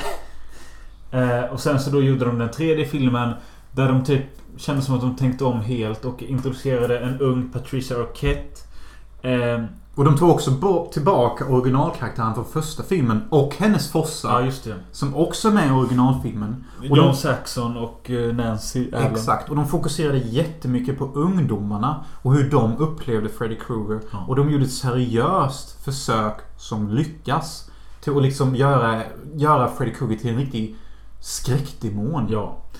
Men sen för personlig del så är det för att detta var den första Nightmare on Elm Street jag såg. Och jag såg den många gånger när jag var liten. Typ de gångerna du såg Patriot så såg jag denna istället typ. Eh, För det fanns på en inspelad VHS och jag... eh, Jag tyckte bara alltså hela öppningen när hon sitter och bygger sitt lilla miniatyrhus i, med glasspinnar och sånt. Vi antar att alla vet vad Freddy Krueger är va? Ja, det vet hon. Eh, nej men du vet vad jag menar. Hon bygger ett miniatyrhus. Jag tyckte Ja. det var jättespännande. Och sen så typ zoomar de in i det så kommer den här One, two, Freddy's coming for you. Och det, Three, four, spooky och nice. Och att alla, dröm, alla drömmar om mord är typ minnesvärda. Så jag tänker marionettdockan. Man håller honom. Ja. Vilket är huvudrollen för Class of 99. Oh, ja, det är det. Fan. Fan, vilken bra touch. Och Lawrence Fishburne, tidig roll. Absolut. Nej men denna är ju bara... Alltså, jag sa det på min letterbox att detta är en film, oavsett om du gillar skräck eller inte. Så gillar folk denna filmen. Ja. Och detta var den första filmen jag visade för mina kusiner. I Freddy, alltså i hela Freddy-universumet. Och efter jag visade dem den, denna, just denna filmen. Då ville de se alla Freddy Krueger. Och under loppet av fem dagar när vi spelade tv-spel och sen chillade med en film. Så såg vi alla de här filmerna. Mm. Så denna filmen skapade bara... De ville bara se resten. Ja. Och det tycker jag är rätt talande. Synd att det inte blir bättre. Ah, fyran gillar jag som fan. Ettan, trean och fyran skulle jag säga. Ja, de är jättebra. Och Freddy's Dead är skitrolig. Vilken är sexan typ? Eller- Ja, det är sexan. Och, och Freddy's New Nightmare har intressanta idéer. Ja, men det är lite sådär. Ja. Men The Dreamers är den ultimata Nightmare on Elm Street-filmen och jättekul att vi båda hade den Ja, det är fan riktigt kul. Det gillade jag som fan. Shit vad gött. Min plats nummer fyra. Ja. Det här är nästan av samma anledning som eh, Dream Warriors. Att jag såg den jättemycket som barn. Tror kanske att den var inspelad på samma kassett som The Dream Warriors. Att först låg den och sen låg den andra. Den andra jag pratar om är 1986. The Fly. Oh, jävlar. Fan. Du har bättre titlar än mig. Okej. Alltså The Fly är ju en riktig Jeff Goldblum-klassiker. Detta var innan han var med i Jurassic Park. Ja. Han var fortfarande sexy as shit. Men... Och Gina Davis var sexy as shit. David Cronenberg var het. Eller som regissör. Ja, det var väl sista gången han var het. Ja. Tror jag nog. Nej men alltså. Det känns liksom. Han hade innan detta gjort Videodrome och någonting till. Jag kommer inte ihåg vad de tidigare heter där. Jag gillar den filmen med tvillingarna. Ja, vad heter den? Dead Ringers. Ja, den den- kanske kom. den är bra. Ja. Men The Fly känns som typ ett ultimat... Alltså visst, det är en remake av en 50-talsklassiker. Men han har ju gjort det till en... Helt egen grej. Ja. Och att han visar... Han visar det där typ... Det känns som att en, en ny... Eh, ny... Eh, nivå av practical effects. Det var det verkligen. ehm, Till er som inte vet handlingen. Det handlar om Jeff Goldblum. som är en forskare. Ja, excentrisk forskare. Eh, han vill lösa telepati. Han, vill, han har en vision om att teleportera. För han tänker så här, om vi kan lösa hur vi kan teleportera saker, då kan vi förkorta fraktkostnader Och resetid. med hur mycket som helst. För om, om du kan flytta det från A till B på ett knapptryck så, lite som Event Horizon gör. Det är ju revolution. Mm. Han menar på att man kan teleportera sig som människa eller varor. Och det är det han forskar på. Och han är ju ganska nära i filmens början egentligen när han typ slänger in en katt eller vad det är och bara... Jag tror han lyckas då föra över den. Fast en gång blir det ju bara bajs. Det- Katten dör. Det finns en scen som är bortklippt. Jaha. eh, Där han typ har en hund eller en babian eller något. Ja just det, ja. Babianer. Och den, när han teleporterar den till den andra så blir den bara mos och blod. Och då sa Target Audience att det här kan inte du ha med. För att detta gör att Jeff Goldblum framstår som värsta fucking djurhataren. Men det är typ... Det funkar inte så bra. Och han träffar ju Gina Davis som är en snygg kvinna. Som han är lite kär i. Och under en natt när de typ har bråkat så dricker han sig full och han blir irriterad på att han känner sig som ett misslyckande. Så han bara Fuck it, jag ska prova att teleportera mig själv. När han gör det så råkar en liten spyfluga också dela plats med honom I den här lilla... i den här lilla teleportören. Han lyckas teleportera sig själv till den andra. Vilket genombrott! Vilket genombrott! Men Flugan var med. flugan var med så de två bygger DNA tillsammans. Så genom filmens gång blir han bara värre och värre och värre. Och det ser äckligt ut. Ja, han blir mer och mer av en gigantisk fluga. Om man vill vara lite djup och tolka kan man nästan se detta som en kommentar på en riktig heroinpundare som inte klarar att säga nej. Ja. Om man vill vara djup. Men alltså det som starkaste minnet för den här filmen har alltid för mig varit Men det var då när jag typ var så 10 när jag såg den. Och det absolut äckligaste för mig då var att innan han blir full-blown fluga typ. Mm. Bara få lite övernaturliga krafter. Och när han går in på en bar och bryter arm. Han bryter sönder Ja, armen. på han, han blir ju CP ju. Han bryter sönder armen på en biker typ så benpiporna sticker Mm. ut. Och det, det satte sig i mitt huvud. Ja, David Cronenberg kan det här med body horror. Han har alltid bra effekter. Och det är, det är en riktig klassiker detta. Ja, mitt. Ja, jag är stolt över mitt val. Ja, det ska det fan vara. Och nu, nu kommer jag in här med tråkiga klichéer. Plats nummer fyra. Var beredd på att bua mig. Terminator 2. Alltså, Jag vet inte om jag Kan man kalla det skräck? Typ inte. Enda anledningen till att jag kallar det skräck är för att när jag såg den näst sista gången så hade jag faktiskt mardrömmar om den här T-1000. Jag drömde att den här jävla liquid metal killen jagade mig och petade in en nål i mitt huvud. Du, han snackar om Robert Patrick jävligt ikonisk roll. Har han varit mer ikonisk? Nej. Har någon varit mer ikonisk än Nej, han? alltså det enda mer ikoniska han gjorde är väl typ att han är med i Die Hard 2. Ja. Och blir skjuten typ nästan direkt. Ja. Men alltså Terminator 2 har hela jävla världen sett. Det är en solid action skräckthriller. Och jag tycker den har tillräckligt mycket skräckelement för att bli kallas en skräckfilm. Ja, alltså jag tänker ju främst typ Linda Hamiltons premonitions om jordens undergång. Exakt, det är det jag menar. Det är faktiskt min favoritscen. När hon är ute i öknen och... och, Står vid stängslet. Ja, och hans son, hennes son och Terminator bondar. Då somnar hon och har en jävla nap. Och drömmer om hur atombomben spränger bort henne och alla barn. Och jag har alltid tyckt att det är en sån läskig scen. Och min favoritscen i filmen är faktiskt exakt efteråt. När hon drömmer den här drömmen så blir hon skev. Hon laddar sin M4A1 karabin och sätter på en ljuddämpare och bestämmer sig för att gå och mörda den här stackars svarta killen Ja. som håller på och forskar. Och när hon står framför den här svarta killen med pistolen rakt i hans ansikte och bara hon blir en Terminator på riktigt. Jag tycker det är så jävla symboliskt. Är det inte coolt också att James Cameron har... Eller okej, Ridley Scott först. Men att James Cameron utvecklade Ripley i Alien och skapade Sarah Connor till de typ två coolaste brudarna i action slash skräckhistorien. Och det har inte blivit bättre sen dess. Det har inte det. Nej. Och ja, det är fan rätt alltså. Okej, Terminator 2 kanske inte är skräck. Den borde varit med på din topp 10 bästa filmer. Ja, men det är den inte. Den, alltså, men bara för att jag har drömt en mardröm om denna filmen en gång så får den faktiskt hamna på skräck. Edward Furlong i sin prime. innan. Ja, Edward Furlong. Kommer ni ihåg den där söta killen med den typiska jävla Eurythmics, eller vad fan är det? Googla honom nu. Backstreet Boys-frillan. not so cute. Han har en riktig Backstreet-frilla. Han snor pengar från ATMs. Han skapade ju en hel generation. Ja. Alla som såg denna filmen under Vill se 90-talet ut som han. ville ju vara Edward. Eller ligger man. Ja, typ. Okej, min nummer tre. En film vi har tjatat sönder oss till döds på. Och det är Fredag den 13 det är del 2. Skål. Samma. Ja, det är min topp tre med. Vi skålar i en J- J&B whisky. Fredag den 13 del 2 är den bästa Fredag den 13 filmen. Och kanske den bästa slashern. Mm.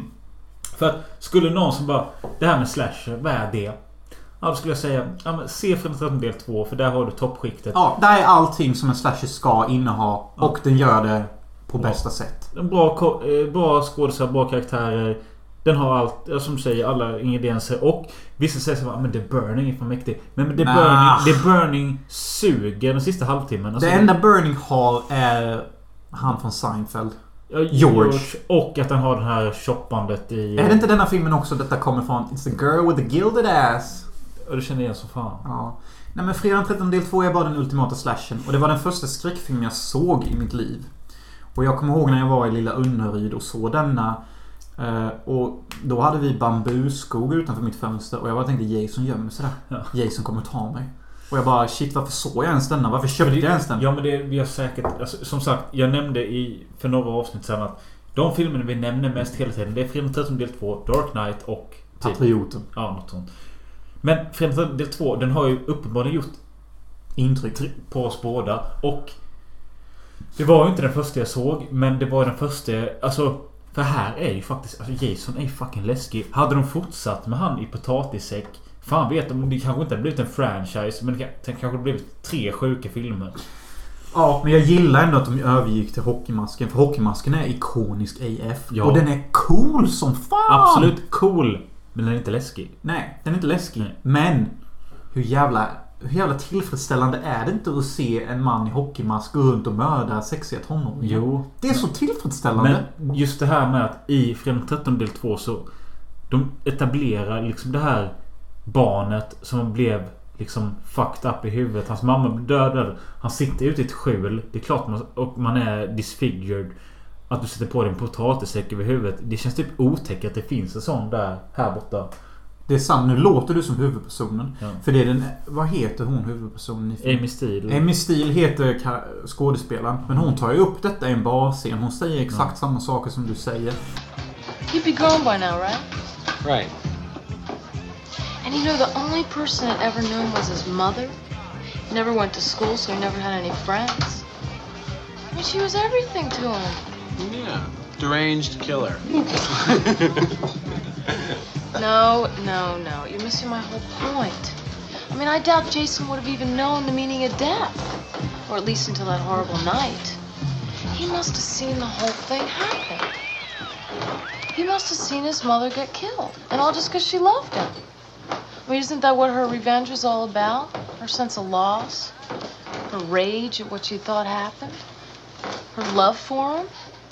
Hon är typ den enda karaktären i alla 12 filmer. Jag tänker logiskt och försöker överbemanna. Som, som, hon är den enda karaktären i, i hela franchisen som försöker göra en människa av Jason. Och det är också därför denna är den bästa. Ja. För det är ingen annan film som försöker förstå sig på Jasons psykologi på det sättet. Hon blir till och med upprörd på sin pojkvän. Ginny heter hon. Ginny heter hon. Hon blir upprörd på sin pojkvän för att...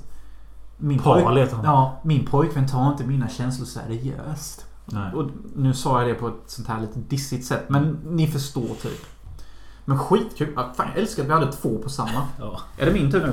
Nej, jo det är det. För jag tog... Ja precis. Okej. Jag, år- jag kommer fortsätta i klyschan. Ja. Men okej. Min näst bästa favoritskräckfilm som jag någonsin sett är faktiskt Aliens. Ja, eh, absolut. Älskar den. Men för mig är det en actionfilm typ. Det är, ja, men det är ju typ skräck-action eller actionskräck. Som sagt, som Möller sa, jag, är ju, jag gillar action. Och, och, och vad fan, Aliens är ju en riktig klassiker. Jag kommer ihåg när jag såg den här första gången. Det var typ för 17 år sedan. Hey, guess? Have you ever been mistaken for a man? No. Have you? Ja, det är ju så ikoniskt. Och sen så har vi ju då han den här som bara It's game over man! It's game over! Bill Paxton. Bill han, han är död nu. Ja, stackarn. Och sen så har vi ju han som... Han är roboten. Vad heter han? Du kan ju namnen. Ja, ja. eh, Är det Lance Henriksen? Ja, Lance Henriksen. När han är robot. Han Ja. blir spettad och, och delas på mitten och mjölk flyger åt helvete. Bokstavligt Är talat. det han som också kör den? Ja, han kör ju den här klassiska scenen där han hugger kniven bara. Och Bill Paxton sitter där bara... Och Vasquez är ju bara... I only need one thing. Where to point my gun and where to shoot. Som världens största vapen. Ja, och jag älskar när Vasquez eh, har sin dödsscen och, och hon bråkar med sin sergeant. Hon bara I always hated you. Och Vasquez säger bara I, I hated you too. Och så dör de tillsammans. Alltså, det är så mycket ikoniskt i denna Ja. filmen. Och det är så gött när alla aliens kommer nära. Och de bara You want some more? You want some more? Men är det inte så med att... Är det inte i denna de går runt med en sån... Eh, typ, Doing, eh, vär, doing, ja men värmekännare när de ser att Ja. det kommer aliens och Ja. det bara- fyller hela skärmen Ja. över dem. Det är så jävla läskigt. Ja, det är ju det. Så bara doing, doing, doing. Och detta var den... Detta var min introduktion till Alien-franchisen. För jag bara kom hem spontant till mina kusiner här uppe i Hylte där Mölle bor. Och de bara kollar på en skev film och de bara "Åh, Detta är Aliens! Jonas, du måste titta! Och den scenen jag ser då, första introduktionen till Aliens är när de har stängt in Ripley och den här lilla stackars ungen. För att den här skeva... Newt. Newt. Newt, ja. Newt. För de har stängt in Newt och Ripley eh, med facehuggers då. Den här röda scenen. Så det är min introduktion. Så jag ser ju det bästa av Aliens. Efter det är det ju bara full-blown action. Sen har vi ju Alien Queen som kommer. Ja. Och det är ju hur skevt som helst. Och där har vi också världens mest ikoniska line. Get away from her you bitch! Ja. Det är ju så jävla coolt! Det är ju en bra... Alltså, varje gång jag ser den här filmen, always a good fucking Alltså, time. det roliga är att nu känner jag så här att jag känner inte att jag behöver kanske nödv- nödvändigtvis se om den. Men jag förstår inte riktigt varför jag inte har en femma på den. Det är en femma. Ja, jag har en fyra på den. Men den behöver en femma. Ja, alltså okej. det jag kan acceptera om någon sätter fyra är att visst, kanske lite slow build-up. Sure, I get it. Men vilken jävla payoff! Ja. Och, och vilken jävla puls filmen har. Och där, samma kille som är med i, i alla fall första Terminator, Michael Biehn är ju en av de sergeanterna i... Han är grym. Jättebra film. Ja, jag köper att du har det som skräck. Ja, fast första Alien som är sämre film är ju mer skräck. Ja, det är den. Men den är ju för seg. Okej, nummer två. Whoop whoop. Ja... Okej, det här är sjukt. Men nej, det är inte så sjukt. Är det sjukt då? Nej, det är inte så sjukt. Eh, The Texas Chainsaw Massacre. Ja men fitta och har det hora. nummer ett. Ja, jag trodde det skulle vara din nummer ett. Ja. Jag, jag, jag tvekar lite så, men eh, den blir där nu. Nu har du inte en aning vad min etta är. Nej, ingen jävla fucking aning alltså. Texas Chainsaw Massacre. Eh, jag blev exakt samma visa som Cannibal Holocaust och Blair Witch Project. En sån här film som blev upphypad i mitt huvud. För att när Jonas var barn och mer drogs till sci-fi action så drogs jag mest åt skräck. Och då fick jag höra ganska tidigt, typ när jag var 10 att Ja men alltså det värsta som finns det är ju motorsågsmassakern för den blev ju bannad överallt. Kommer ihåg den dagen jag var GKs Ullared. För er lyssnare, ni vet vad det är för det har blivit en sitcom eller ett program menar jag. Eh, nästan som en sitcom typ med karaktärer som återkommer och skit. Men i alla fall. Kommer ihåg när jag var på GKs Ullared, typ när jag var 11-12 år. Eh, var inne i varuhuset. Sen gick jag in i ett, en butik jämte som hette Bokhandeln eller något. Och där ser jag en DVD där det står Motorsågsmassakern. Och jag hade säkert fått en budget av mina föräldrar att jag hade fått så här typ 200 spänn att handla för. Den här kostade typ 150. Jag bara, det var mycket på den tiden Ja, när var- Mölle var barn. Det är det typ var- som 700 kronor idag. bara den, den ska jag ha. Så bara tog den. Jag var där själv men så kom jag ut och så man bara hittade något. Motorsågsmassakern. alltså de bara... Ah. Ja okej. ja, ja. Vad sa Christer? Ja, det är en redig klassiker. Ja, nej, Den men, tog man med en snus. nej men jag tror han har inte varit inne på sånt. Han, alltså, som sagt min pappa. Vad gillar han för film Han egentligen? gillar ju westerns. Hans favoritfilm är typ Onde gode ful. Ah, och. Ice Station Zebra. Nej alltså det- är för modernt. Han Det är för modernt. Det är John- typ 64. Vi ska snacka John Wayne alltså. Det ska vara... Vadå The Searchers? Ja, typ. Och han, Den är bra han, dock. han, älskade, han älskade en film jag köpte idag. Hacksaw Ridge älskar han. Med Clintons film. Nej, Gibsons film. Ja just det. Just den är det. grym. Ja den är rätt cool faktiskt. Eh, den älskar han. Men i alla fall. Eh, jo, fick den här motorsågen. Kom hem. Var nästan rädd för att sätta den i spelaren. Såg den och bara... Eh, Var det original? ja, originalfilmen. Okej. Så bara, ja okej, såg detta. Brydde mig typ inte. För att Texas Chainsaw Massacre är ju typ... Hur många fucking remakes har inte den filmen? Den har bara en men... Har den inte typ sju? Nej, det finns massa uppföljare och sånt men... I alla fall eh, så gick några år och jag eh, brydde mig inte så mycket om den. Precis samma sak som Suspiria när jag köpte den idag i Gentoboxen. För att jag var ju så taggad på en film med häxor men den var inte så häxig. Eh, den var bara snygg och det fattade jag inte då. I alla fall så gick den och såg eh, om Texas Chainsaw Massacre och bara okej den är helt störd. Ytterligare några år. Eh, jag köper en ny utgåva av den på typ Steelbook DVD. Ser den igen bara. Fan den är, alltså den är helt skickligt gjord. Alltså den noll budget. Utspelar sig i ök, eller i Texas jävla varmaste land. Ser skitsnygg ut i sitt fula utseende. Mm. Är äcklig för att det känns som att allting luktar på sättet. Ja, det är det som jag gillar med detta. Men detta var ju innan allt började handla om pengar och HD. Ja. Denna filmen är smuts. Men samtidigt så är den, den är snyggt filmad i smutset. Det finns många coola vinklar. Speciellt den bilden du har som bakgrundsbild är filmens bästa vinkel. Klassisk bild där en eh, undervinkel på en tjejs röv där man ser det mest hotfulla huset. Typ. Mm. Och det är, alla säger att detta filmen är definitionen av smuts. Och det är det. Alltså det är ju inte en blood massacre. Det är ju mer en Det smutsmassacre. finns ju inget blod i filmen. Jo, förutom när nackar han i huvudet och det flyger blod på, Ja. eh, på någon jävla gardin. Men sen är det också det att de lyckas att... Eh, ja, men att bara skapa den här stämningen och att den börjar med... Den börjar med eh, så här typ... Eh, Ja men alltså det är ju ett gäng som typ sitter i en Scooby-Doo-van. Jo, jo, men den börjar också på bilder på typ en kyrkogård. Den ligger en halvdarkad... Vänta, all- all- på denna filmen också det här... Ja, det är där den började. Så det är inte i remaken. Nej, det började där. Det är det som är så jävla. Cua det. Nu fick ni det. Ja. We back. Nej men det är där det ligger någon sån här full alkis och bara snurrar runt på en kyrkogård med döda djur omkring sig. Och sen så kommer bilen och kör full fart.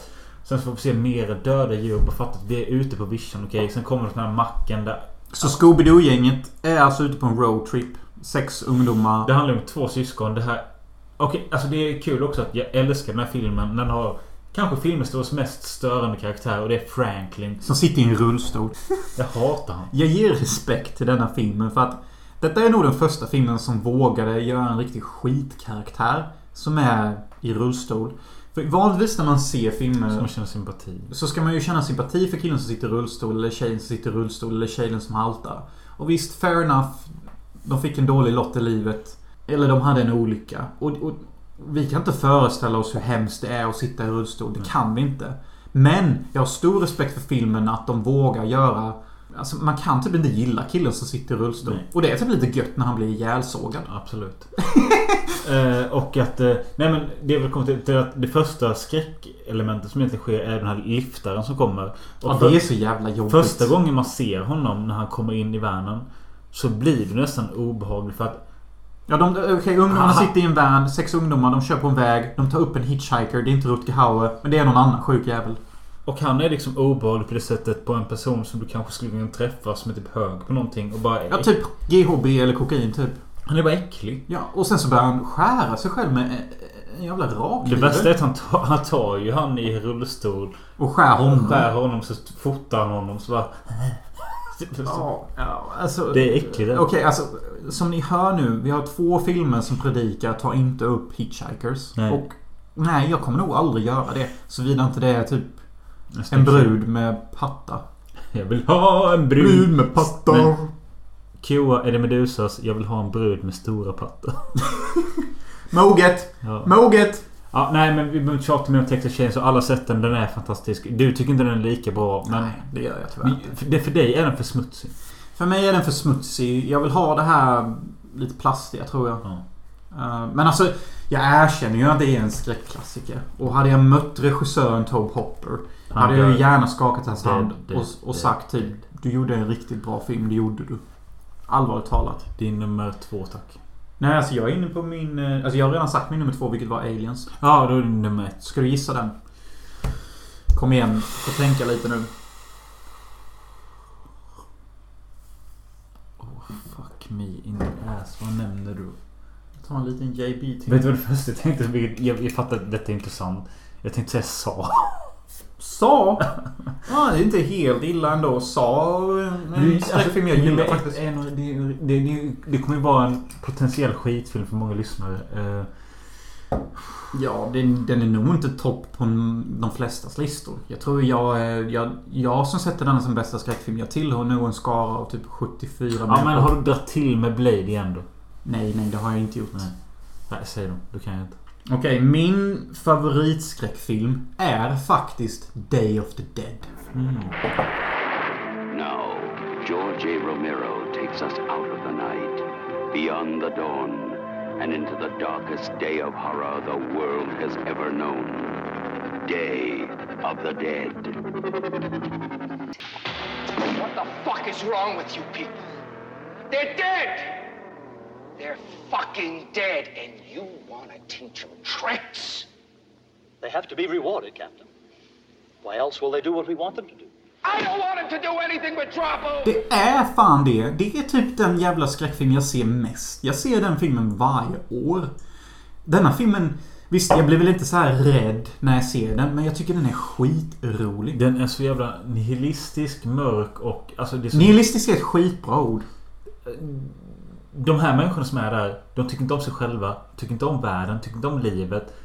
Mm, man mår dåligt av att se dem men de är underhållande. Exakt, det är ungefär 14 människor. Sju stycken är militär, fyra stycken är forskare och tre är radiooperatör och en jävla helikopterförare. Och de människorna har tvingats in i en bunker. De är typ de sista människorna på jorden. Medan hela jävla jorden är täckt av zombies. Och de människorna ska komma överens. Och det känns som att titta på en halvtaskig teaterpjäs när de har pratat. Och det är så jävla roligt.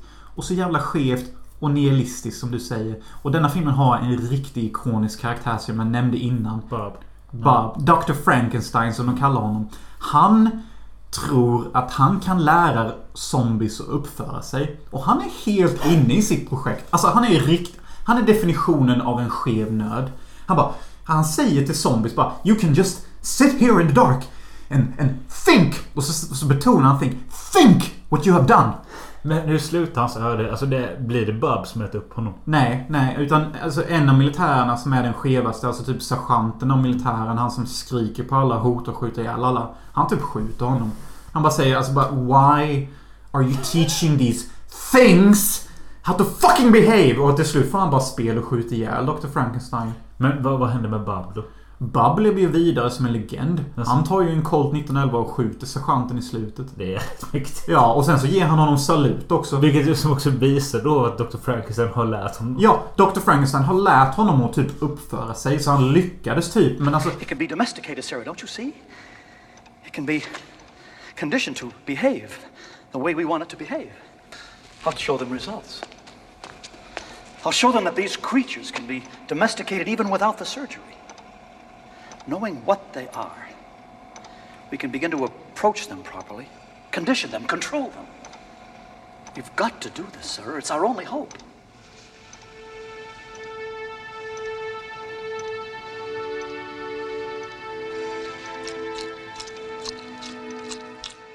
Det jag tycker är så kul är att Dr. Frankenstein, visst. Din plan är helt okej. Du vill lära zombiesen att uppföra sig. Men... Bro. Du har ungefär 700 miljoner zombies du ska upp, lära dig att uppföra dig. Och du har lagt typ 17 jävla veckor på en. en, zombies. Och det, jag tycker detta är så kul för att denna filmen handlar om galenskap. För att alla i hela filmen är på brytningspunkten. Alla soldater snackar bara om att våldta och skjuta zombies. Forskarna tror att de kan bota detta. Helikopterföraren vill bara flyga till en ö. Radiomannen är full på alkohol hela tiden. Ingen kommer överens. Det är bara tjafs, bråk och helvete. Och jag tycker det finns en sån jävla kul scen när alla soldater typ bråkar och försöker våldta varandra. Och forskaren bara går och försöker dricka vatten. Det är över. Alltså alla fattar att det är över. Alltså det, Det finns inget hopp nu. Och jag kommer ihåg innan zombiesarna kom. och jag, jag bara tycker att det är en sån... ja, Visst, alltså, jag blir inte jätterädd när jag ser den. Men det är en kul Nej, film. men, och jag har ju hållit Day After Dead bättre än Dawn och Night. Det är den ju. Alltså, jag tycker både Night och Dawn är helt jävla okej. Okej, vänta. Dawn of the Dead är riktigt bra. Night sådär. Men Day of the Dead. Alltså Day of the Dead är skitbra. Men det känns mer som en kammarspels... Där de, alltså att George A. Romero har kunnat tänka i 20 år på vad fan han har skapat zombiegenren. Typ. Alltså det är typ det han gjorde. Mm. Så bara, hur kan jag utveckla det? Jag gör en film var tionde år och så bara... Klart som fan att det skulle bli bättre på den sista egentligen. Men sen fortsatte han ju med Land of the Dead. Jag tycker Land of the Dead är väldigt intelligent. sen? Survival of the Dead. Diary of the Dead. Jag har inte sett dem. George should have died sooner. Och Simon borde skickat sin fantastiska titel Day, The End of Dead. Ja. Det borde ju varit George Romeros sista zombiefilm The End of Dead. Ja. Men alltså Day of the Dead. Alltså Day of the Dead, alltså... Ja. Ja, Jag bara älskar den filmen. Det är, det är min favoritskräck. Och det, det är mycket rått Ja, zombie-action också. Alltså, det- alltså de äter ju upp människor. Det är obehagligt att se. Så det är ju en skräck. den tror jag... Alltså, jag, jag kanske har haft en genuinare, bättre lista än dig. Men Day After Dead tror jag är med på många skräckfantasters lista. Det tror jag faktiskt. Mm. Jag måste pissa in i ett Dominetto. Coolish.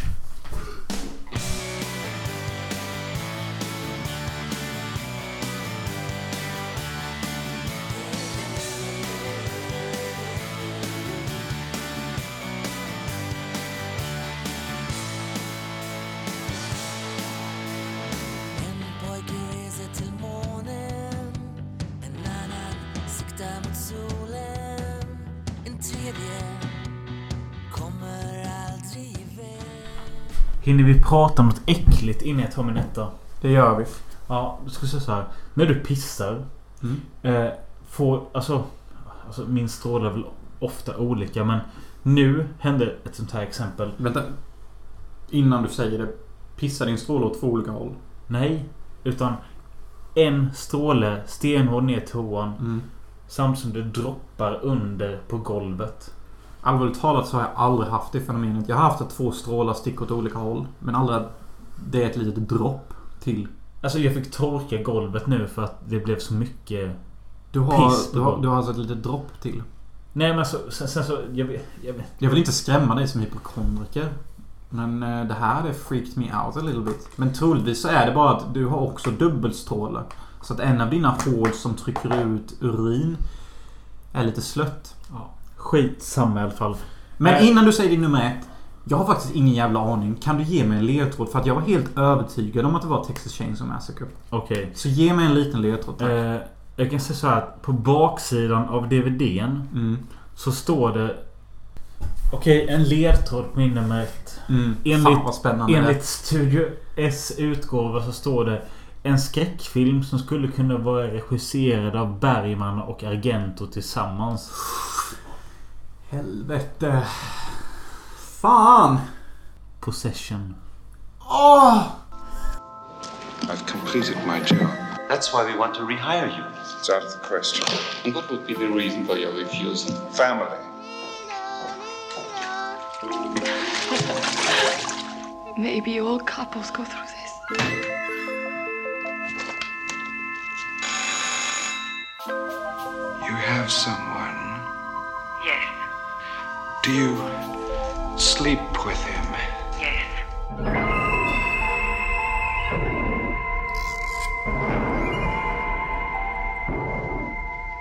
Åh! Giss my fucking pants Sam Neill. Sam Neill, Isabella Gianni. 1982 tror jag. Eh, Ja, detta är ju... Alltså, Möller hade den bättre listan av oss. Detta är en riktig klassiker också. En riktigt skev klassiker. Alltså den, den här filmen är... Den har... Alltså vi snackar film med lager. Så- Denna filmen. Det är, det är fucking frippelmacka. Alltså, det är både senap på skinka Alltså, och ost. jag, jag, det är därför jag gillar den här beskrivningen på baksidan. Att det är en mix av Bergman och Agenter. För att Det är det. det kan vara Bergmans ur ett äktenskap som är väldigt ångestfylld. Det kan vara Agentos trippiga bilder. Samtidigt som det kan vara någon slags body horror av Agento och liksom... Alltså den är så fucking konstig. Om man ska förklara handlingen då. Sam Neill kommer hem till sin vackra fru Isabella Adjani. Som är jättevacker, i alla fall 82. De försöker reparera sitt förhållande medan en jävla tysk som är deras granne bor jämte. Han har varit otrogen med henne tror jag. Ja. Och, och, och de här tre tjafsar som fan. Sen så är det någon monster inslängt som knullar Isabella Adjani. Och hon försvinner och kommer tillbaka som en dupp, dubbelgångare. Ja, och hon spyr mjölk i en slags skev tunnel också. Och de här tjafsar i ett krigsartat Ryssland typ. Och spott- Tyskland Ja, och spottar blod på varandra. Så det, det finns mycket lager. Fick mycket senap på ketchup. Mycket majonnäs. Och, men alltså, att jag säger detta är min nummer ett. Jag säger inte att jag förstår filmen helt. Det är typ ingen som förstår denna. Nej, men alltså den är liksom en upplevelse varje gång. Jag tror jag bara totalt har sett den två gånger.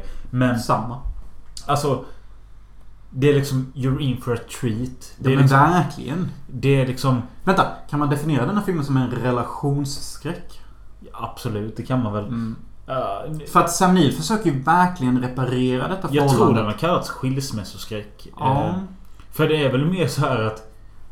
Är det att han känner på sig att han har varit otrogen? Det finns ju en scen när han frenetiskt gungar i en gungstol och bara Hate my life typ. Ja, och sen finns det en scen där han säger något till den stackars tysken som bor granne. Och, gran- och tysken som typ kan karate eller någonting. Börjar också bete sig som ett jävla stolpskott och gå in i väggar och skit. Alltså när man tror att man har fingret på filmen. Då börjar någon bete sig CP. Och man börjar undra. Nej, jag tror inte jag förstår filmen. Men kanske gör det. Men så kommer det ett monster. Som knullar Isabella Adjani och Sam Neill ser det här monstret knulla Isabella Adjani och det är typ hentai live action. Alltså det är typ tentaklar och skit upp i fittan och grejer. Och man sitter där och ser filmen och tänker att Ja, är detta symbolik eller händer det på sen i riktigt? slutet Då finns det två av varje människa. Ja, just det! Alltså den, den har ju alltid ett S i rockärmen denna filmen. Men alltså, för då står ju Sam Neill och Isabella Gianni en version och kollar på de andra två versionerna. Ja, och Sam Neill är ju killen för Jurassic Park. För Ja. som inte visste. Isabella, Isabella Gianni är bitvis världens vackraste kvinna. Mm. Det är ju, den förtjänar fan att vara nummer ett. Alltså det gör den typ. Jag, jag tycker du har gjort ett jättebra jobb med din lista. Du som typ sket på din egna lista.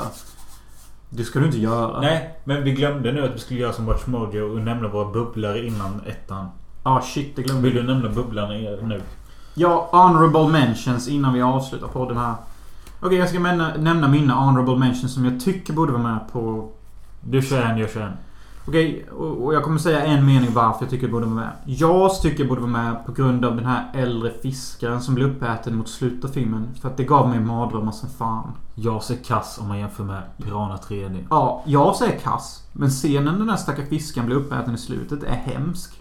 Och därför förtjänar den en plats i historien. Jag har, eh, min första honorable mention är Kill List. Som Ja, är kul! Helt störd film som börjar som ett helt vanligt drama slash thriller. Som slutar med det mest obehagliga crescendo man kan se. Typ. Ja. Typ jättebra. Okej, en väldigt skev och skum film. Where the dead go to die. En tecknad, believe it or not, film. Som ska vara något av det mest mörka man kan se. Ja, typ. den är skitkonstnärlig och jätteskev. Och den gör typ... Ni vet The Summer of Sam? Han som påstod sig fick instruktioner att mörda par från en hund. Är huvudroll i denna filmen.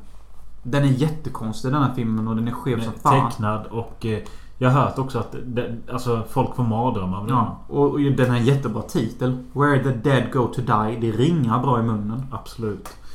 Eh, Min andra honorable mention är Burial Ground. Den roligaste som... Jag trodde du skulle ha med den på din lista. Ja. Burial Ground är världens roligaste zombiefilm. Ja. På grund av, säg det. Incest. Incest. Och världens konstigaste pojke. Ja, den här lilla pojken är typ 40. Men han ser ut som 13. Fast han har typ halvt missbildat ansikte. S- Suger sin mammas bröst. Ja, och han är alltid kåt på sin mami i filmen. Och han snackar alltid om mami och att han vill suga patte. Och han är 1,20 lång. Ja. Samtidigt som han springer, springer runt zombies. Mami! Men det är så. Det springer in zombies. Mami, Titty. Ja, alltså det, de bor i ett jävla värdhus. Plats för 20 pass eller någonting. Och det är typ 70 zombies utanför. Och den här jävla en meters lång personen som ser för jävlig ut. Är bara kåt på sin mamma. Alla andra som bor i hushållet. De har typ 70 IQ också. För de kan inte förstå hur de ska tackla detta. Men han, han gör hela filmen. Han är en legend. Ja, kör. Okej, och jag har en riktig skitfilm här som ingen känner till. Evolver. Ja, Evolver är en film som ingen har sett men det handlar faktiskt om en husrobot som egentligen ska dammsuga och typ göra mjölk åt folk men Blir ond. bli ond. Och det finns en legendarisk line i filmen där han säger Nobody fucks with a Volver. Och det är en riktigt så här typisk skit-tv-film. Det känns som något du hittar på. Nej, men eller hur? För ingen har sett den här. Nej. Ja, men det låter intressant faktiskt. Mm. Legenden Lucci Felucci. Och jag tycker Zombie Flesh Eaters måste ha en, en honorable mention. Men är inte det Beyond bättre? Den är med på min honorable mention också. Okej. Men Zombie Flesh Eaters är lite bättre. För den har The Boat Can Leave Now kommentaren. The Boat Can Leave Now. Tell the crew. Pum! Sunkig skräck zombie action. Alltså denna... Jag blev rädd när jag såg den här filmen för den har massa knakande ljud. DVD-utgåvan du hade var ju en VHS-rip som inte mådde bra. Nej, jag hade en DVD-utgåva som var en tysk VHS-rip. Score! Bra gjort! Jag köpte denna för 150 spänn säkert. 70 kronor överpris. Lätt. Och jag kommer ihåg när jag såg den när jag blev så rädd. För det, det var det, den hade samma effekt på mig som dem. Det var så skitig kvalitet. Och det var så obehagligt att se detta ruttna zombies gå och trycka in ögonen på folk. Med den här jobbiga musiken. Du, du, du, som bara... Denna musiken talar bara om domedagen. Och du kommer dö en ond död. Och bli en zombie. Och därför förtjänar den en honorable mention. Absolut, jag köper det. Eh, och eh, jag har ju då... Eh, The Witch in the Window. En ganska ny film. Som, alltså den är mest med för att den är 70 minuter lång. Det är inte många filmer som är det. Och jag tyckte, alltså, den var skitläskig. Har du sett den? Nej, tror jag. Eller? Robert Eggers. Nej. Detta handlar om en pojke och en pappa. Pappan har bråkat med mamman i familjen. Sticker iväg till ett landshus de har köpt. De får reda på att de bor i samma hus där en förmodad häxa har bott. Min sista honorable mention. Den tar jag bara med för att... igen, Alltså hade jag... Hade jag inte haft... Jag satt en 5 av 5 på denna enligt min letterbox. Som, Bra. som det är betyg jag fått över på min filmtips också. Jag har inte sett den mer än en gång med dig och då har jag till och med satt en femma och den räknas som skräck. Och tydligen älskar jag den men jag minns ingenting. Baghead? Jag minns inte ens denna. Du och jag har skrivit kommentarer att det här är så jävla bra. I don't even fucking remember it dude. Four actors go to a cabin in the woods to write, direct and act in a film that will jumpstart their careers. Their idea is a horror film about a man with a bag over his head. But what happens when that man mysteriously shows up? Jag har ratat den 5 av 5. Du också på filmtipset. Vad i helvete? Hur fan kan jag ratea en film 5 av 5 och inte ens ha sett den? Eller ens, ens komma ihåg den?